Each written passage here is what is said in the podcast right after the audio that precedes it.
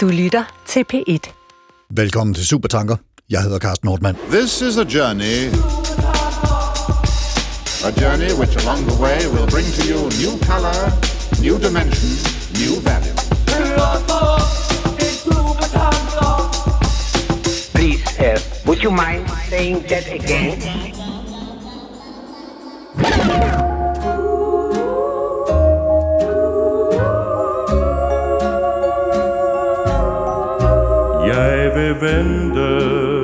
Telefonen på dit svar. 80 minutter på YouTube, 46 minutter på TikTok, 43 på Snapchat, 35 på Facebook og 31 på Instagram. Og så også lidt på Reddit, Messenger, Twitter, Tinder og WhatsApp. Med stor sandsynlighed hovedsageligt på telefonen. Min egen telefon gør mig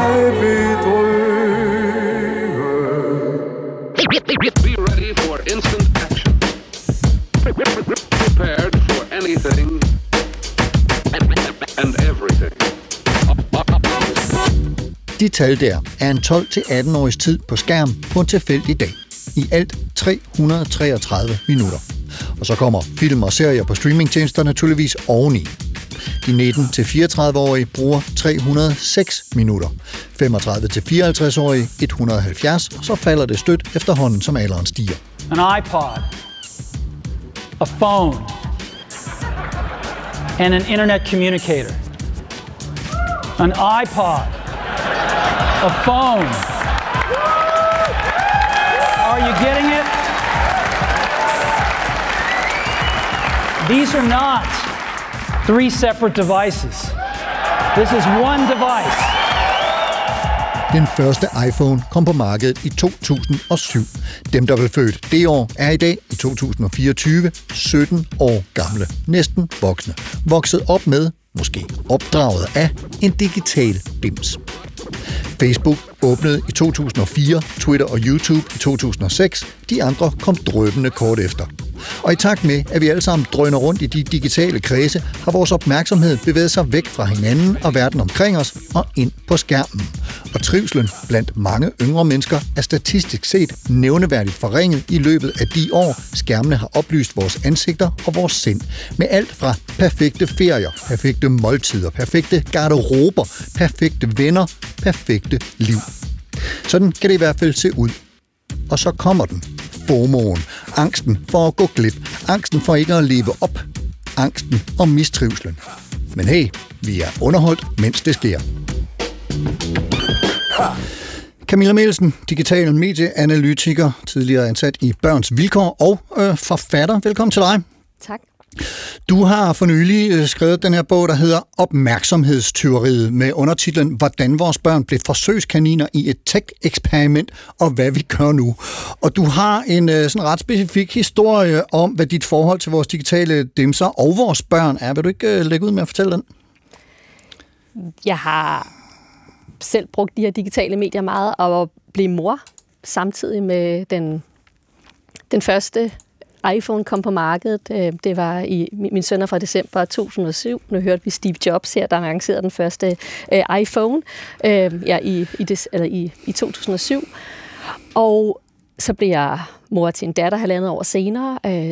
Året efter kom den første iPad, og efterhånden så blev jeg mere og mere fanget, både i mit hjem, kan man sige, og også fagligt af, hvad er det, der sker, når, når digitale medier flytter ind i vores liv. Og så spoler jeg lige frem til et lille år siden, tid siden, der, øh, der holdt jeg foredrag i Nordjylland om digital dannelse, og der var der en far, der rækte hånden op og spurgte mig, hvordan tror jeg, jeg vil se tilbage på den her tid om 20 år? Hvordan vil vi se tilbage på den her tid om 20 år? Som dine børn er vokset op i. Præcis. Ja. ja, ja. Og der, ja, ligesom nu, så har jeg sådan, der var lige nogle sekunder stillhed, og så slog det mig, vi kommer til at sige undskyld. Vi kommer til at sige undskyld, fordi vi, altså, vi var, altså, skal man sige, ja, unge mødre, fædre, øh, forældre, fagpersoner, politikere osv. i det her, der tog skærmene til os. Vi overlod vores børn på de her digitale skærme, og vi, vi tillod et, øh, et gigantisk opmærksomhedsteori, og det, det kommer vi til at sige undskyld for. Og den erkendelse fik jeg Ja, den, fik, den slog mig for, for et år siden. Jeg vil sige, at jeg har i mange år haft færden af den, det her opmærksomhedsteori, øh, fordi jeg, jeg så, hvordan der, der er noget nyt på fære. Der er noget, der vi ikke har set før, men jeg havde lidt svært ved at finde ud af, hvad er det egentlig, der ligger bag det her opmærksomhedsteori. Erkendelsen kom for mig der sidste år, hvor jeg sådan tænkte, vi kommer til at sige undskyld, fordi vi tillod det her gigantiske tech-eksperiment med vores børn som forsøgskaniner. Men det her med, med sociale medier og den digitale verden, det er jo ikke nyt for dig. Det er ikke noget, du øh, har kun har beskæftiget dig med siden sidste år. Det har, det har du gjort i en årrække. Kan, kan du sige lidt om sådan oprindeligt, hvad det var, der trak dig ind i det felt? Hvad det var, du synes var fascinerende ved det, og, og som fik dig til at sige, det her, det kunne jeg godt tænke mig at undersøge nærmere? Det er jo en blanding af både min egen personlige rejse ind i det at blive mor i den her digitale tid, og så også min egen øh, faglige øh, ballast i det her, at jeg, jeg, jeg arbejder med ja, medieudvikling, og jeg så, hvordan de digitale skærme i den grad forandrede øh, ja, hverdagen for, for børn og unge. I 2012 var jeg redaktør af et magasin, der hedder Asterisk, øh, og vi, vi havde som tema nummer Generation Touch det var den her generation af børn, der fra babyalderen kan bruge en, en iPad, og vi stillede sig spørgsmålet, øh, skal vi skærme børnene på, på forsiden af, af øh, magasinet Asterisk? Vi havde ikke nogen billeder af, af digitale børn i billedarkiverne, så fotografen tog billeder af sine børn, de var i skolealderen, de kom ind i bladet, og så på forsiden af det her magasin kom så min datter, der på det tidspunkt var, var tre år gammel, og hun står så med en, en iPad i hånden og kigger øh, mod læseren, og så har det her spørgsmål, øh, skal vi skærme skal vi skærme børnene?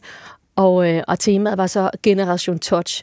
Og det, vidste hun allerede på det tidspunkt, hvordan man brugte sådan en, eller var det et opstillet til ære for fotografen? Nej, nej, det vidste, det vidste hun. Det er jo det, det, det er jo, og I sådan set også siger undskyld for øh, ja. med min bog Opmærksomhedsteoriet. Jeg, jeg har jo selv en del af det her. Jeg har både selv en det her som, som en mor, og der har der er tilladt øh, skærmen fra en tidlig alder øh, i mit hjem, og så samtidig også som en, ja, en fagperson, der, der har været en, en rådgiver øh, i det her. Min datter, hun, jeg vil så sige, det billede, de billeder, der er så i bladet, det kan jeg jo så se, det, det er Cirkeline. Altså, det er en Cirkeline-app, øh, som, som, som hun sidder, hun, tror jeg, et, et kortspil, som hun sidder øh, og, og trykker på. Men på det tidspunkt, der havde vi jo så set, at, at iPad'en var kommet på markedet. Steve Jobs og Apple lancerede den som noget, der var super smart for, hvad vi er, alle, altså til voksne. Men det viser jo lynhurtigt, at børnefamilierne var vilde med den, og, og de små børn, de, de, ville, de var vildt færme til at kunne, kunne bruge øh, iPads.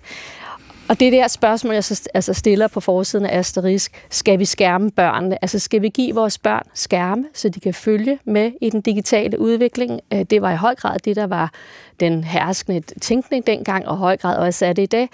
Altså, de, de sakker bagud, hvis vi ikke giver dem adgang til det digitale, øh, og så ellers skal vi skærme børnene, altså skal vi beskytte børnene mod det, der er på skærmene.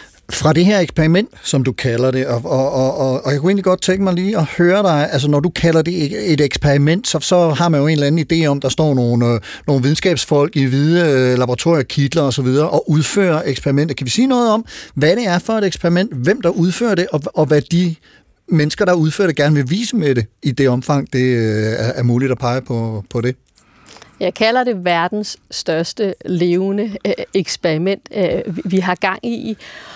Og med det, det er jo en metafor, kan man sige. Det, jeg mener ja. jo ikke, at der er nogle øh, øh, onde øh, videnskabsmænd i, i Silicon Valley, eller øh, kan man sige, i Kina, der, der skaber nogle apps, øh, og, så, og så med vilje gør vores børn til forsøgskaniner. Det er ikke sådan, eksperimentet skal forstå. Men, men det er jo sådan set det, der kommer til at ske. Altså, at vi, vi, har, vi, vi har sat gang i et eksperiment, som vi ikke kender konsekvenserne af. Øh, det eksperiment havde jeg, har jeg selv forstået tidligere med, jeg skrev en bog, der hedder Teknologiens testpiloter, som handler om, hvordan vi, altså vores børn er nogle testpiloter, og vi står endnu ikke konsekvenserne af det her eksperiment.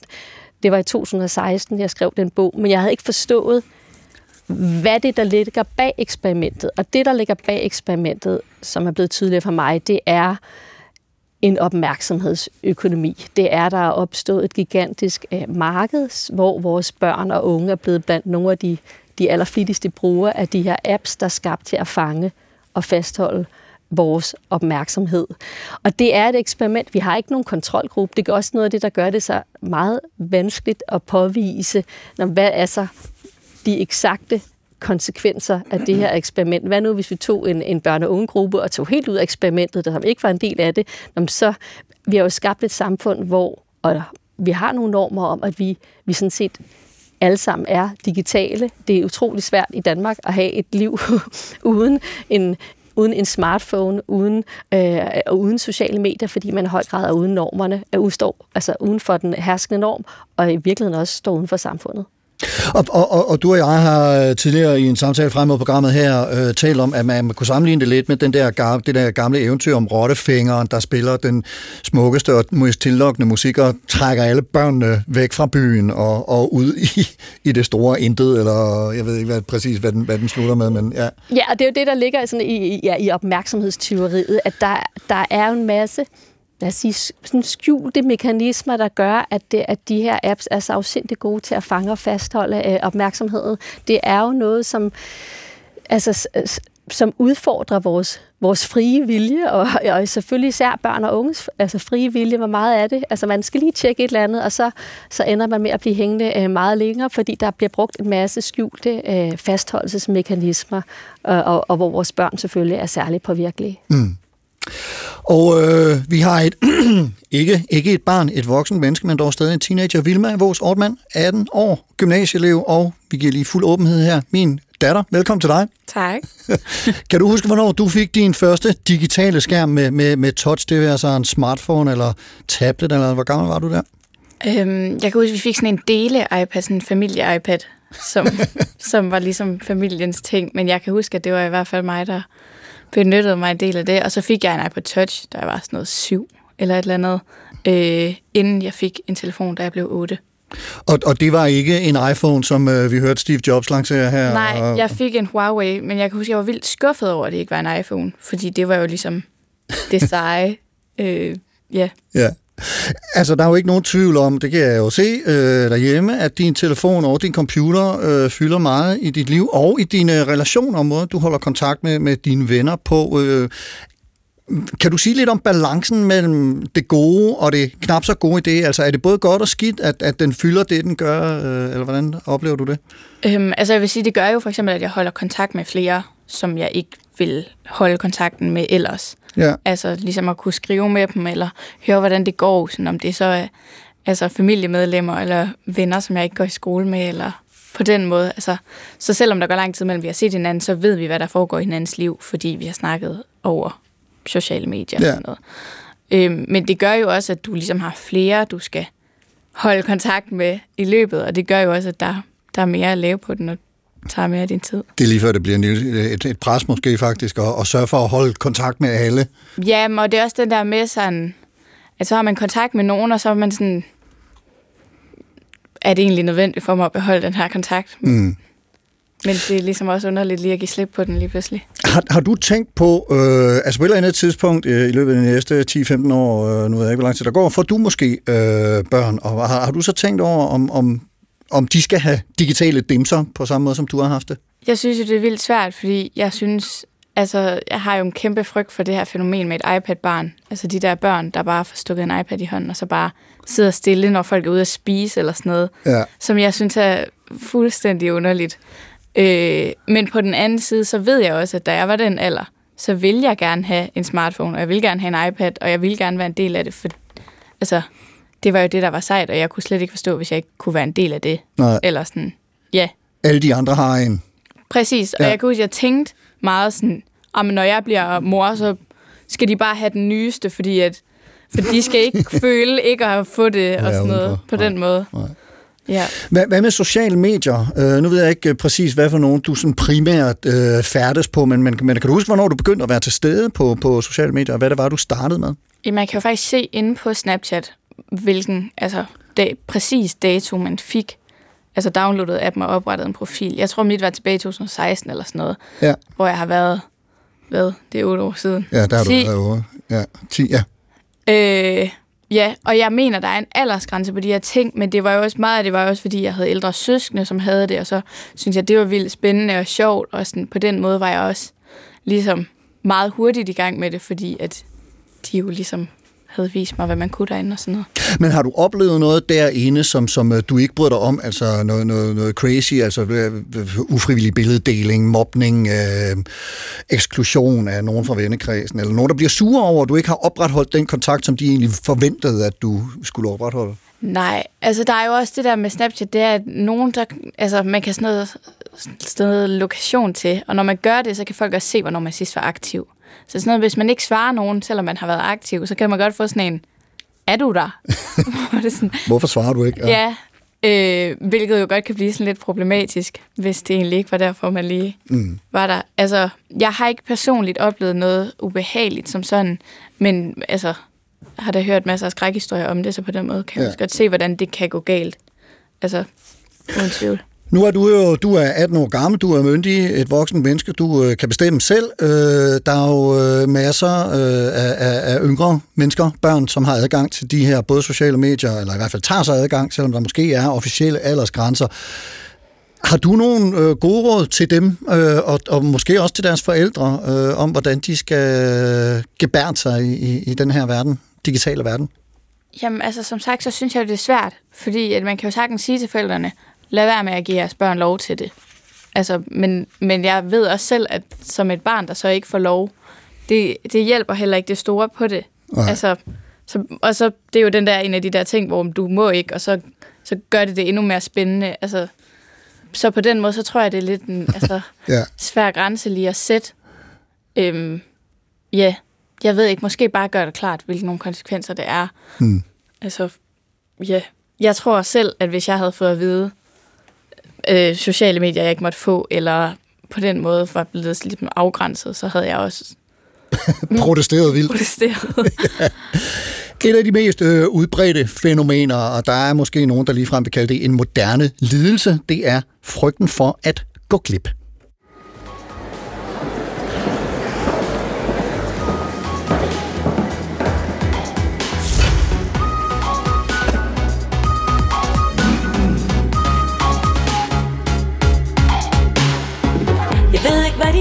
Gør Jeg ved ikke, hvad de siger Jeg prøver bare at følge med Men det bliver svært og svært Jeg ved ikke, hvor vi ender hen Men jagten, den går ind Ja, den går ind På en verden på flugt Vi kender det formentlig alle sammen i et eller andet omfang. Jeg gør i hvert fald. Vi synes, vi går glip. Vi vil så gerne nå det hele, og helst sammen med vores fede venner på ideelle tidspunkter, og vi vil gerne stræbe efter det, de kendte, rige, smarte, trendy har. Der er en grund til, at ugebladet som Se og Hør, Billedbladet og lignende kulørt presse har været med os så længe og solgt i de oplag, de har. Baby, if you like it, just reach out and it. This one doesn't bite it, doesn't get aggressive. Show you how to touch it, hold it like it's precious. It don't need your loving, it just needs a med fremvæksten af de digitale sociale medier, det store bytorv, hvor vi møder både vores venner og falder i snak, vinker til nogle bekendte fra lidt afstand og ser en kendt, måske endda sådan lidt tæt på, er vores reference for, hvad der er det smukke, gode, fede liv, blevet ikke bare væsentligt større, det er også kommet tættere på, og den er blevet helt vildt meget mere urealistisk at nærme sig i den daglige hverdagsramthed. En ting er, hvad de kendte, jetsættet, slår op af røde løbere, galamiddage, kæmpe koncerter, bogreceptioner og filmpremiere, men der er jo også det, vores venner slår op. Imponerende restaurantbesøg med pittoreske og smukt anrettede tallerkener, fødder i vandkant på lækre tropeferier, fest med dem og dem, smukke belevende kærester og nuttede børn, og så videre og så videre. Det er simpelthen begrænset, hvor mange kedelige, rodede, beskidte, tjuskede, fedtede hverdagssituationer vi vælger at skilte med i den digitale offentlighed. Rigtig meget af det indhold, vi møder, er smukt og misundelsesværdigt. Og så synes vi, at vi ikke har det, de andre har. Så går vi glip, gør vi. Vi får FOMO. Fear of missing out. Direkte oversat, frygt for at gå glip. Og det fører til mindre værd. Hvorfor var vi ikke inviteret? Hvorfor har vi ikke råd eller tid til at baske under sydens sol, iklædt drinks med parasol, sukkerkant og frugtskive? Hvorfor var vi ikke med til dansen og fællessangen på den der festival? Og hvorfor er mit tøj og mine børn og min kæreste og min mad ikke lige så lækre som dem på billedet? Som måske er smukkeseret af diverse fikse filtre. It don't need your loving, it just needs attention.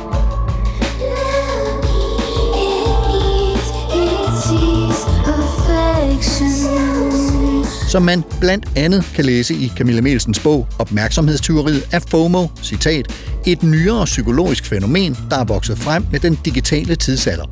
I 2013 kom FOMO ind i ordbogen, da Oxford English Dictionaries beskrev fænomenet som angsten for, at der foregår noget spændende eller interessant et andet sted, ofte udløst af opslag set på et socialt medies hjemmeside.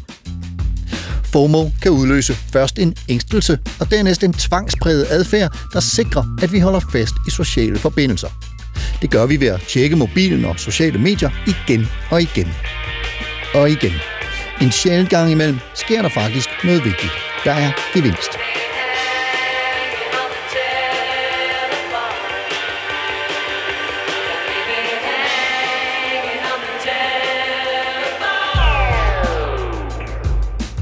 Den uforudsigelige belønning, vi får ved at tjekke vores telefoner og sociale medier, udløser små skud hormoner som dopamin, der giver os en kortvarig lykkefølelse. Det er derfor, så mange tjekker telefonen som det første om morgenen, det sidste om aftenen og på alle mulige andre tidspunkter.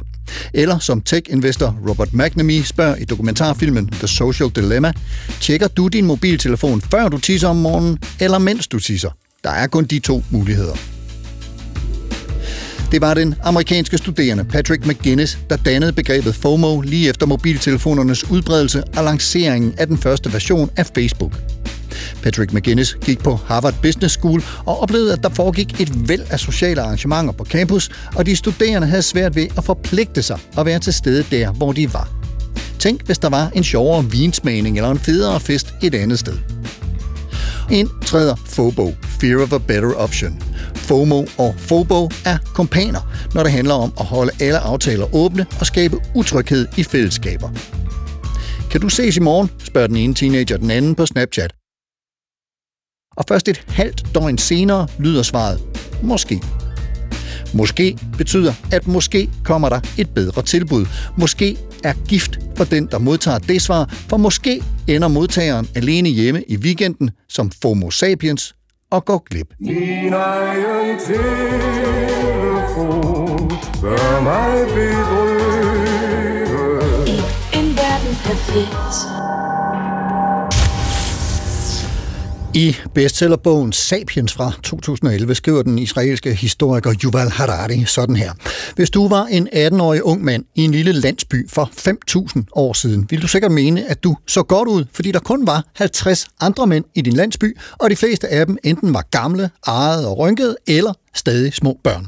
Men hvis du er teenager i dag, er det langt mere sandsynligt, at du vil føle dig utilstrækkelig. Selv hvis de andre fyre på skolen er temmelig grimme, måler du ikke dig selv i forhold til dem, men i forhold til de filmstjerner, sportsfolk og supermodeller, du ser hver dag i fjernsynet, på Facebook eller gigantiske reklametavler. Citat slut. FOMO og nu også FOBO, eller det var i hvert fald relativt nyt for mig, er, er med andre ord nye, lad os kalde dem senmoderne lidelser, fordi lidelser, øh, det er det jo, når vi, når vi øh, frygter og går glip af noget, så er det jo en form for lidelse. Vilma, er det noget, du kender til, de her øh, fear of missing out og fear of a better option? Fuldstændig. altså virkelig, altså ja, nej, jeg ved ikke, hvad jeg ellers skal sige. Sindssygt meget. At, at det er bare noget, der, der figurerer som en del af dit liv og din tilstedeværelse på? Virkelig meget, og det er sjovt, fordi det er faktisk lige en samtale, jeg har haft med nogle veninder for ikke så længe siden, det der med at være bange for at gå glip af noget, eller passe på med at lave planer for langt ude, fordi hvad hvis der kommer nogle andre planer så langt ude. Ja. Øh, så på den måde, så, altså, så havde jeg et eksempel med en veninde, som sidste år havde sabbatår, så hun fortalte, at hun havde faktisk vendet sig til den der FOMO, fordi, at, fordi folk var på efterskole eller ude at rejse eller noget i det år, hvor hun var derhjemme og arbejde, så oplevede hun det så ofte, at, at det var ligesom... Der skete noget, der var vildt interessant, Der som hun ikke var en noget, del af. som hun var, ikke var en del af, og det havde hun sådan lidt vendet sig til, at nogle gange så kommer du ikke med. Det synes jeg var vildt interessant, fordi sådan tror jeg ikke, jeg har set det på. Eller sådan Nej, nej. tænkt, at det kunne du vende dig til. Camilla, kan du, øh, altså nu, hvis vi siger, at det her sociale eksperiment, som, som øh, du kalder det i din bog, har stået på i cirka 15 år, plus minus.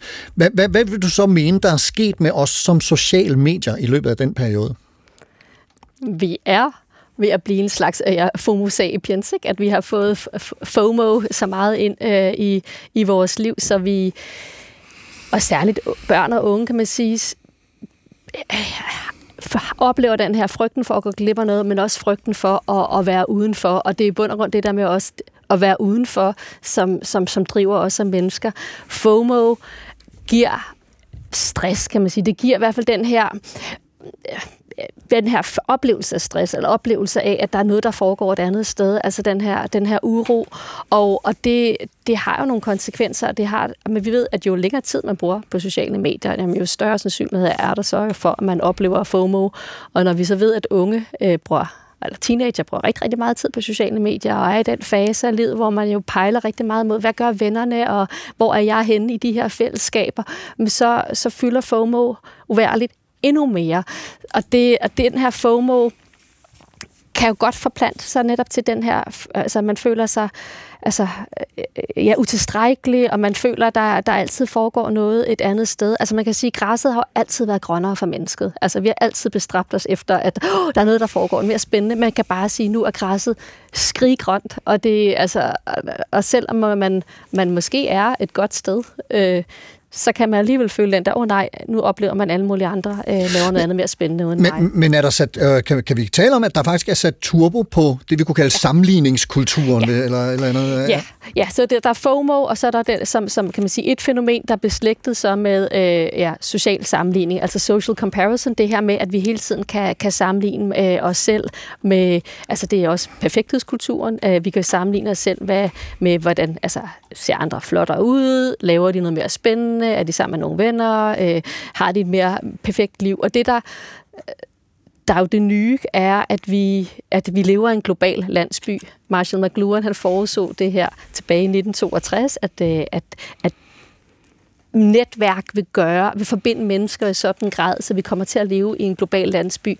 Og det er jo så det, vi gør i dag. Altså, vi har fået, Apropos Harari's landsby for ja, 5.000 år siden. Altså, hvor, i- hvor i gamle dage og for tusindvis af år siden, jamen, så var der jo meget færre mennesker, vi kunne sammenligne os med. Nu kan vi sammenligne os med øh, potentielt hele verden, og, og det gør vi også. Så det så vores sammenligningsgrundlag er blevet meget større. Altså, vi har fået social sammenligning på speed, øh, og et omfang, vi altså, jeg slet ikke har oplevet før. Altså en konstant påmindelse om, både at der foregår noget, noget andet sted, der er mere spændende, og at der er nogen, der har et federe liv øh, end mig. Og vi ved også, at hvis vi jo flere mennesker, unge følger, som de ikke kender, altså det kunne være influencer, øh, store profiler, så øh, altså, jo mere utilstrækkelig øh, kan man egentlig føle. Ja, ja, ja, fordi altså, øh, nu siger du utilstrækkeligt. Altså, hvilke konsekvenser risikerer det at have, at vi hele tiden skal sammenligne os med, at vi hele tiden til stede, selv i afkrog af verden, som, som vi ikke har nogen, hvad skal man sige, virkelig eller fysisk berøring med overhovedet, men bruger stadigvæk det som, som sammenligning af, med, hvordan vores eget liv ser ud. Altså, hvilke konsekvenser kan vi risikere, øh, det får, eller måske allerede har? Det har allerede de her konsekvenser. Er jeg god nok? Altså, øh, Øh, og som unge er jo, altså, er jo i de her identitetsdannende år, de formative år. jamen, hvem er jeg øh, i dag? Hvem er mit digitale jeg? Og hvem, altså, er jeg, er jeg egentlig god nok her? Og man kan hele tiden måles, og, og pege, man kan pejle sig efter alle mulige andre mennesker, og man kan jo så også blive målt. Altså, hvor mange likes får jeg, hvor mange reaktioner får jeg. Og det sætter jo så, et, altså et, et, det kan være lavere selvværd.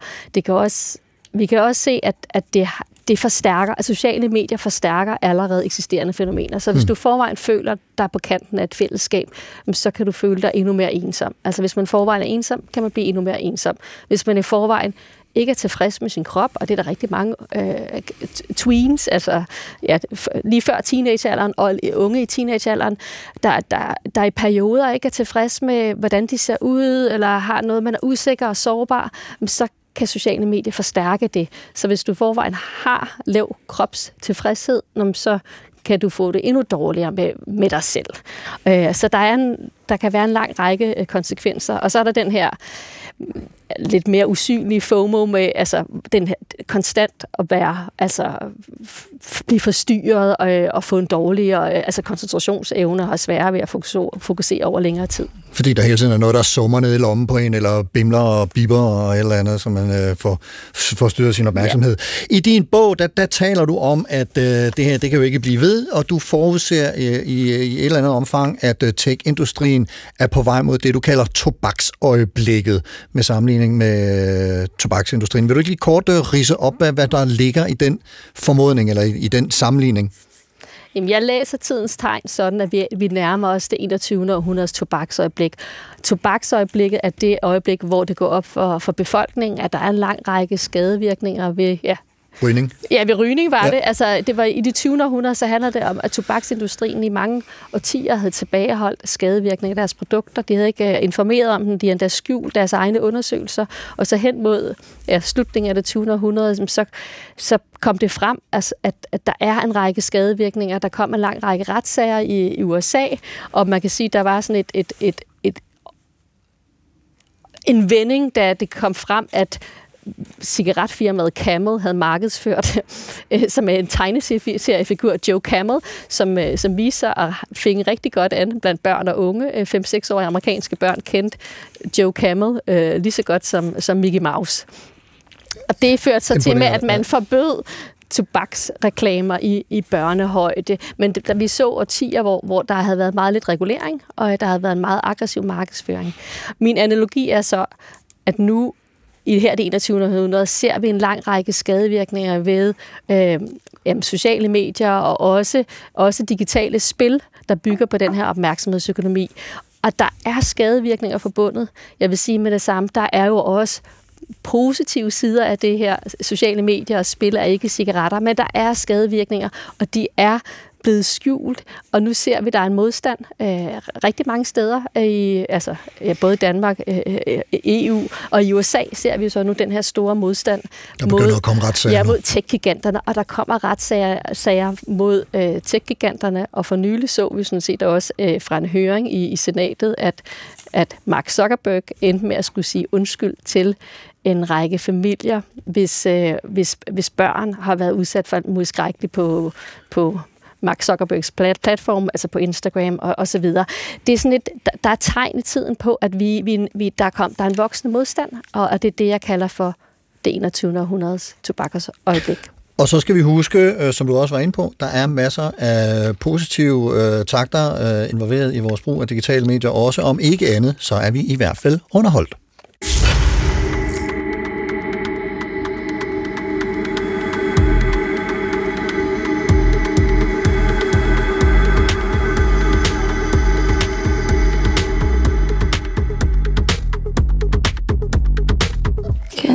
Backwards, it it's been set in motion. You know I need you for the oxytocin. Informationsrigdom skaber et underskud af opmærksomhed og et behov for at allokere opmærksomhed effektivt i en overflod af informationskilder, der kan fortære den. Sådan skrev Nobelpristager i økonomi Herbert Simon i 1971 i sin bog Designing Organization for an Information-Rich World. Den bog, som definerer det, vi kender som opmærksomhedsøkonomien. Det vil sige en økonomi, hvor information forbruger opmærksomhed. Vi tager den lige igen.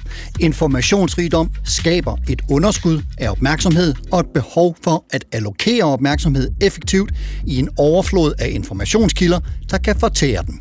Altså opmærksomheden. I lyset af det kan man godt se, hvordan de sociale medier, og også de traditionelle medier, radio, tv, aviser og blade, på længere sigt kan stå bag det der opmærksomhedstyveri. For nok er det voldsomt og mærkbart og mere og mere synligt, at vores opmærksomhed svæver andre steder hen, end der, hvor vi befinder os og hvem der er der, men som idé er det ikke nyt. Det er taget til helt enormt, og som sådan burde vi måske egentlig have været bevidste om det. Herbert Simon beskrev opmærksomhedsøkonomien i 1971, som sagt. I 1985 udkom Neil Postmans Amusing Ourselves to Death, der står, i hvert fald for mig, som en nærmest profetisk forudsigelse af den måde, vi i dag er suget ind i vores digitale dimsers virtuelle universer, hvor både drømme og mareridt, fantasi og virkelighed og krig og kærlighed florerer side om side. Ofte medieret, for nu at tale en form for god latin, og bruge et ord, der ifølge sproget.dk betyder formidle, at muliggøre eller udgøre en forbindelse, vekselvirkning eller lignende mellem to forskellige, eventuelt uforenelige elementer. Vi medierer en virkelighedsopfattelse. Vi formidler vores verden, som vi ser den, og måske vil vi gerne se bare lidt federe ud, end virkeligheden måske kan holde, så vi pynter os lidt. Det har man altid gjort i dyreriget. Men når alle gør det, hele tiden, så kommer vores opfattelse af virkeligheden altså til at være ikke helt i overensstemmelse med de faktiske tilstande. Amerikanske Neil Postman udgav bogen Amusing Ourselves to Death i 1985. Den er for nylig ny oversat til dansk med titlen Vi morer os ihjel, og i den viser Postman med tv som det daværende dominerende medium, hvordan vi på mange måder har nærmet os den dystopiske virkelighed, som den engelske forfatter og filosof Aldous Huxley beskriver i sin berømte roman Fagre Nye Verden, udgivet i 1932. Can't take it back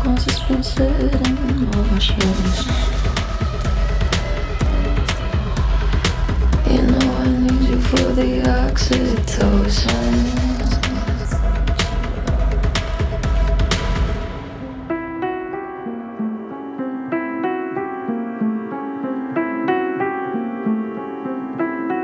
Helt kort. Fagre Nye Verden foregår i London i år 2540. Jorden er blevet til et verdenssamfund ledet af 10 verdenspræsidenter. Alle børn udklækkes i reagensglas på fødselsanstalter og rangeres efter arveanlæg, intelligens og fysik i fem kaster. Forældre i nutidig forstand findes ikke, og ord som mor og far betragtes som stærkt upassende og vulgære.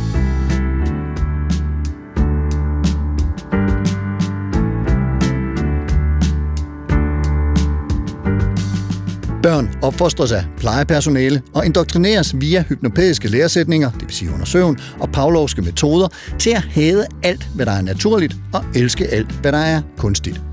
Følelser, for eksempel kærlighed, sorg og forelskelse, forsøges undertrykt til fordel for flygtige glæder som erotik, spil, følefilm og det opiumslignende stof soma. Fagre Nye Verden er ofte blevet holdt op sammen med George Orwells 1984 som to dystopiske verdener beskrevet i første halvdel af det 20. århundrede, og med Neil Postmans 1985 blik for, hvordan vi med først radio, siden tv, er godt i gang med at underholde os selv ihjel, kan det være nærliggende, i hvert fald i det vi kalder den vestlige verden, at sammenligne vores verden på internet i digitale og sociale samfund mere med den tilsyneladende perfekte, eftertragtede, smukke, harmoniske verden, som vi møder i Huxleys beskrivelse, end med den voldelige, undertrykkende verden i 1984. Like a newborn child, like a newborn child, like a child, a child.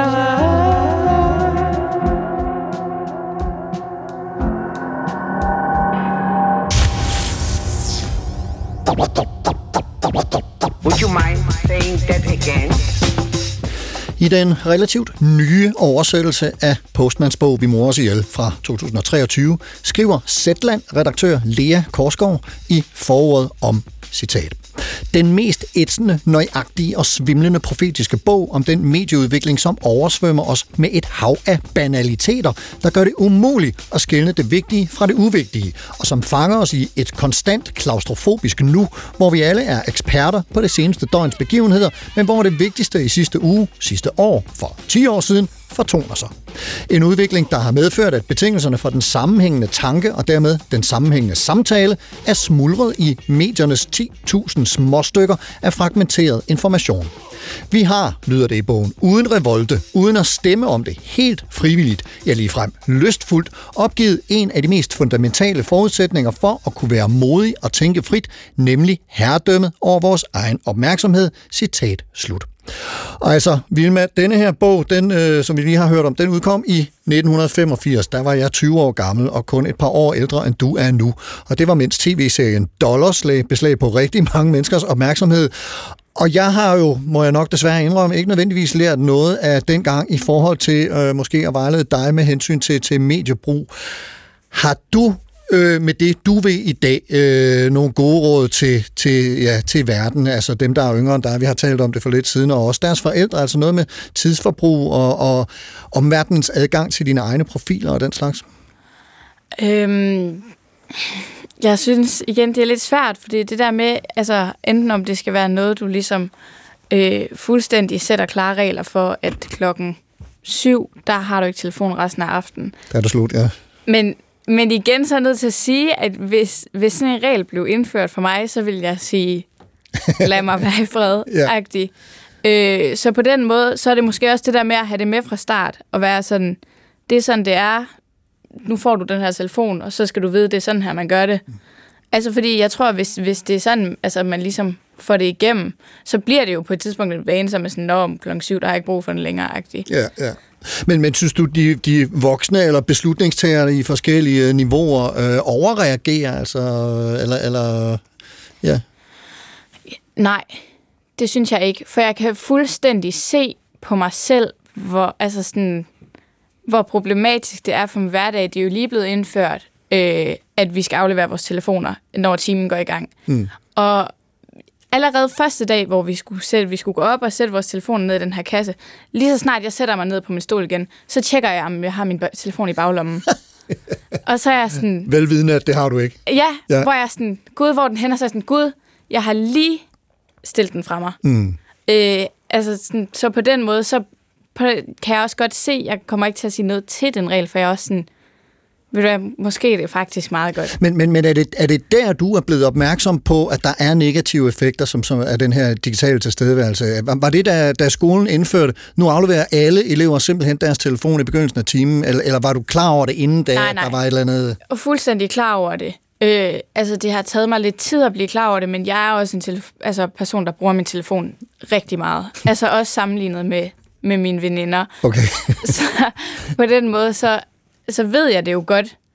Men jeg har også bare sådan et behov for, at sådan, ej, jeg ved det jo godt, så er det jo også noget andet. Og sådan, jeg er jo godt klar over det. Så, så er det okay. Ja, så på den måde. Men jeg, jeg kan jo også godt se, at sådan noget som min tålmodighed, den er virkelig blevet altså, værre mm. end, altså, af at være på de sociale medier og sådan, skulle høre efter i længere tid. Og det her med at sidde og se noget i fjernsynet, uden at sidde og lave noget andet imens, synes jeg også er mega svært. Eller lægge sig til at sove og komme i tanke om, åh, oh, jeg glemte lige at tjekke, hvad jeg har i første modul i morgen.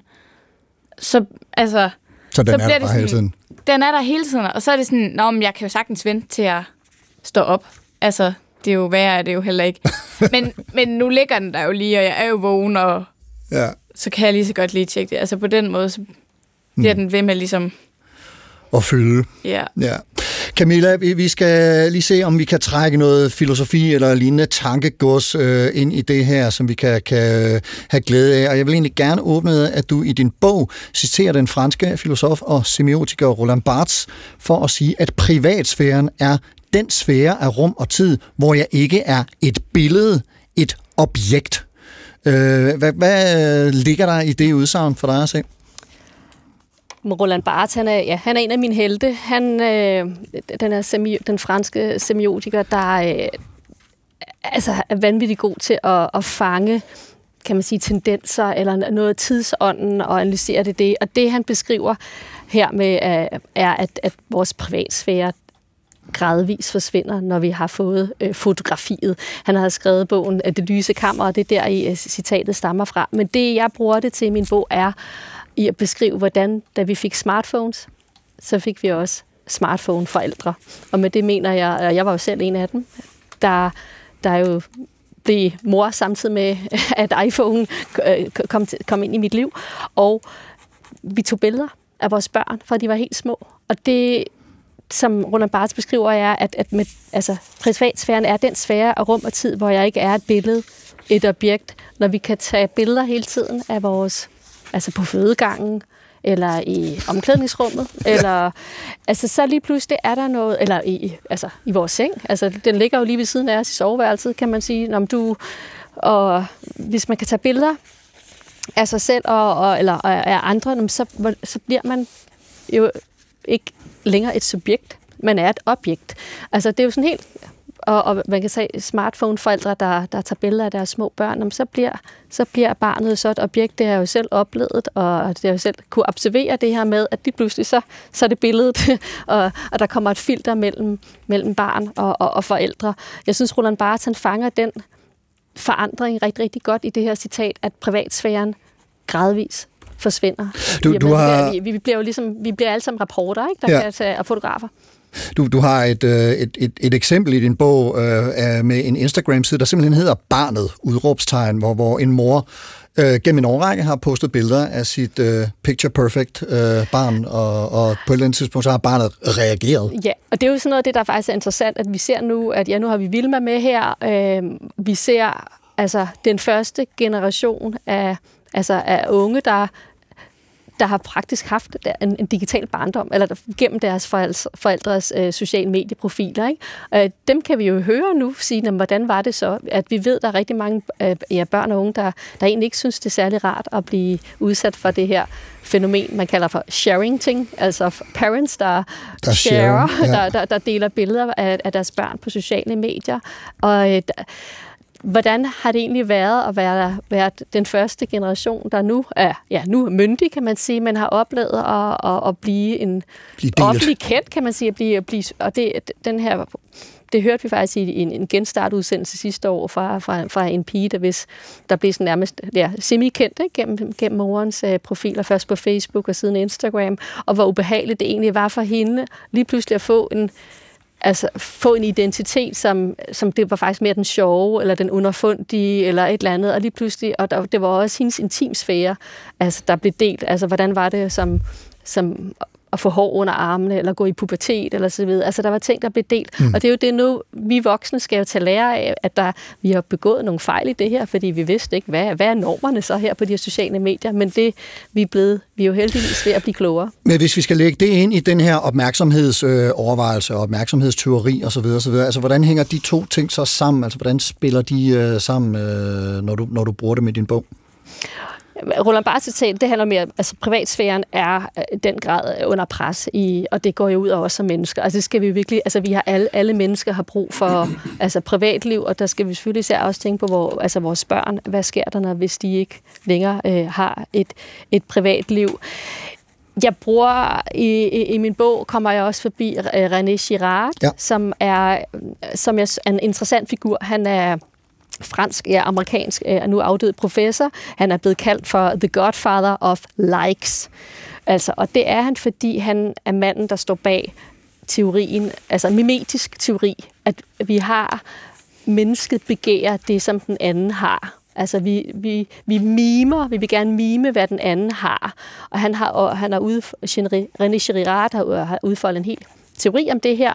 Og da midt i 80'erne, så sad der en, en kommende tech tech-iværksætter øh, på stolerækken på Stanford University, hvor René, Richard, René Girard var professor. Det var Peter Thiel. Og Peter Thiel var den første eksterne investor af Facebook.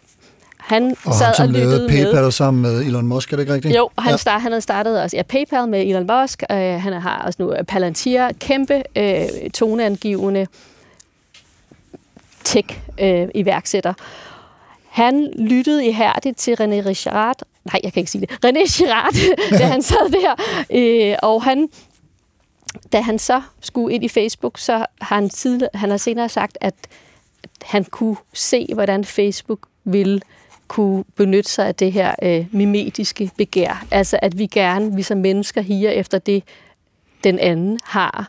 Så han investerede i Facebook, kom med i bestyrelsen og har tjent milliarder af dollars på det. Og, og man kan sige, at Facebook var så også det første sociale medie, der lancerede en like-knap. Det gjorde de i 2009. Like-knappen har så sidenhen meget hurtigt spredt sig til alle mulige andre øh, apps og ja, sociale medier. Og det her med, at vi, altså at menneske, vi, vi, vi pejler jo også efter, hvad er det andre, hvad det andre godt kan lide. Og, og det, som andre godt kan lide, jamen, det har vi også med at selv godt kunne lide. Apropos FOMO. Præcis. Yes.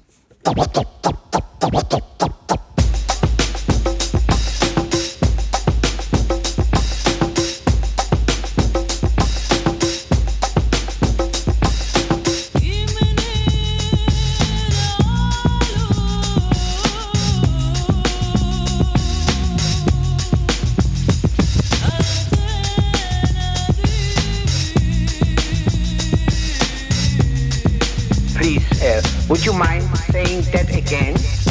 Thinking of a master plan. Supertanker, Vilma, Camilla og Karsten, og et tyveri af historiske dimensioner, hvor det er vores opmærksomhed, nærvær, hukommelse, ro og privatliv, der er blevet stjålet, mens vi har stået lige ved siden af med øjnene klistret på det, der er foregået, vil mange nok mene.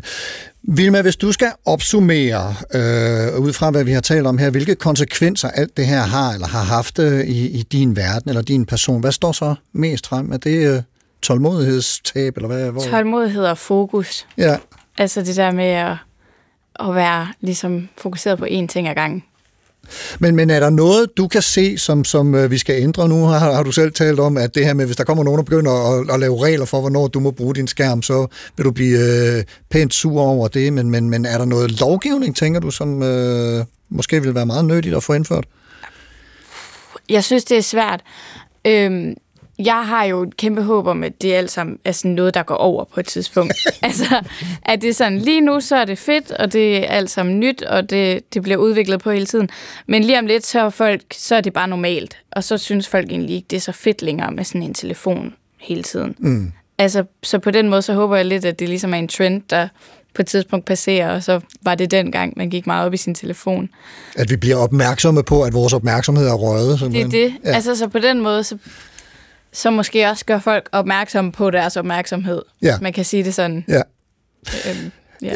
Øh, Camilla, hvad, hvad, har du øh, nogle, nogle ønsker til, eller gode råd? Nu, nu talte du om uh, tobaksøjeblikket og retssager, der begynder så småt at pible frem, men, men, men øh, hvis du nu kunne beskrive dit øh, drømmescenarie, hvordan ville det så se ud? Jeg, jeg tror, jeg har flere scenarier i, i spil, og man kan sige, et, et scenarie er jo så også, hvad Vilma er inde på, det her med, at vi, altså kommer vi til at se tilbage på den her tid, som om, når vi ser på fortidens øh, ja, rød stue i 70'erne, hvor pædagogerne godt måtte ryge, ikke? Altså sådan noget, hvor man tænker, Ja. ej, er det, her, er det her, hvad var det lige, vi havde gang i med mobiltelefoner i, i, i, i fri- i frikvarterer og på fødegangen og, og så videre.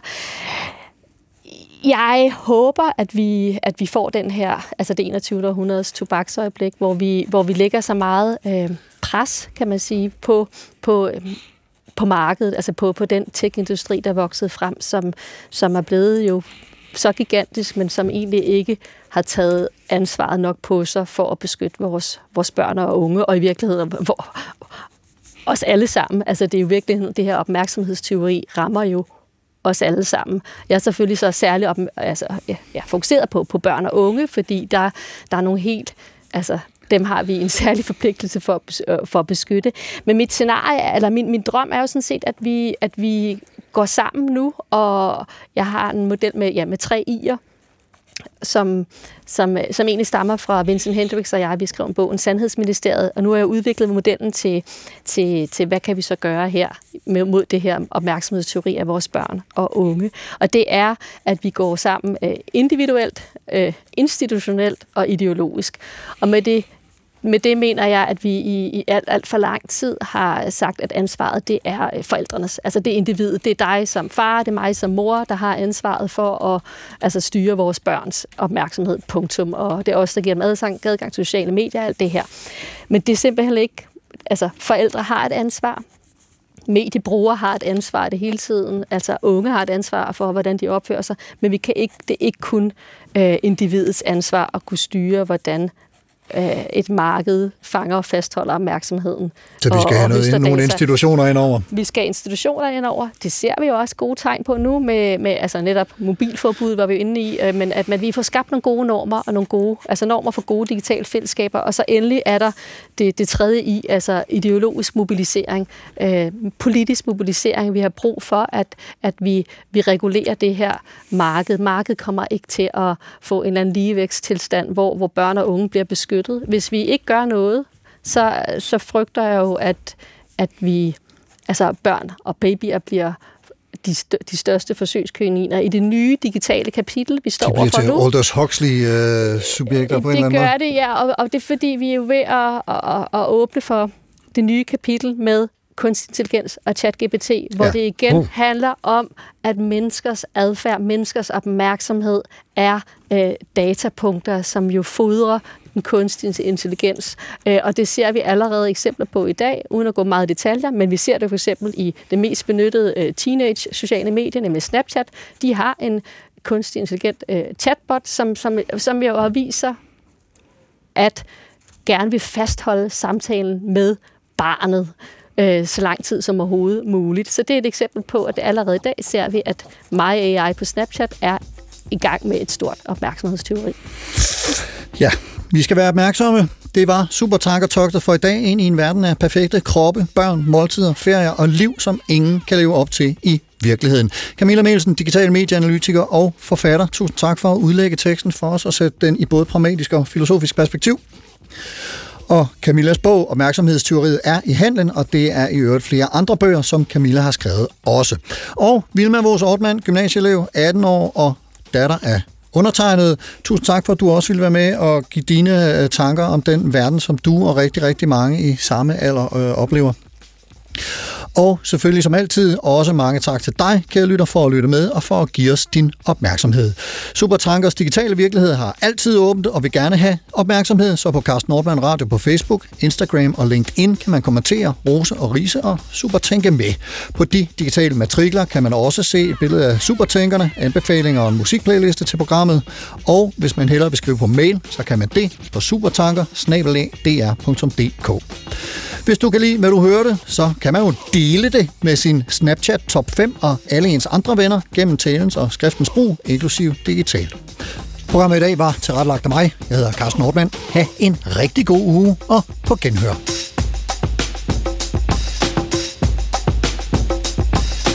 Thinking of a master plan.